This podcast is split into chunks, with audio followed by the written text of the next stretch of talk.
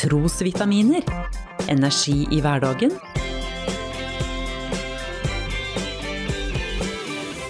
Ved Norea-pastor Svein Anton Hansen. Jeg sliter ikke med å sove, snarere tvert imot. Når hodet faller ned på sengeputa, går det ikke mange sekunder før jeg er i drømmeland. Andre drømmer derimot om å få et godt sovehjerte. Men en natt ble jeg liggende og tenke, ja, jeg våkna opp til flere ganger i løpet av natta. Det var en bekymring, en spenning i livet som hadde limt seg fast i hodet og sunket dypt ned i hjertet. Ei, ei, hva skal jeg gjøre nå?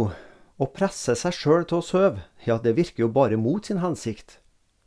Et bibelord streifa innom soverommet mitt, et ord som jeg også hadde lest tidligere på dagen.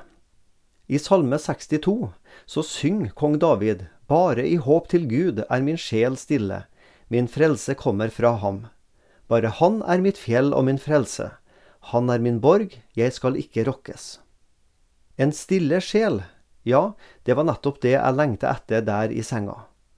Å kommandere sjela til ro, ja, det er nytteløst. Ikke har jeg noe magisk tro på at det å gjenta samme setning fører til at det som sies automatisk skjer. Likevel så bestemte jeg meg for å sitere versene fra Salme 62 gang etter gang etter gang. Til slutt så sovna nok av ordene om at håpet til Gud kan gjøre sjela stille. Vel, nå var det neppe oppskriften på en god natts søvn og hvile som kong David hadde i tankene da han skrev denne salmen. De 3000 år gamle orda er ment å være mer enn god sovemedisin. Sjela, mitt indre, forurenses og uroes av mine syndige tanker, ord og gjerninger dårlig samvittighet og forsøket på å gjemme unna mine mørke sider overfor Gud, skaper bare mer uro. Ei stille sjel trenger stødig og trygg grunn å stå på. Bare Gud er mitt fjell, min frelse og min borg, synger kong David.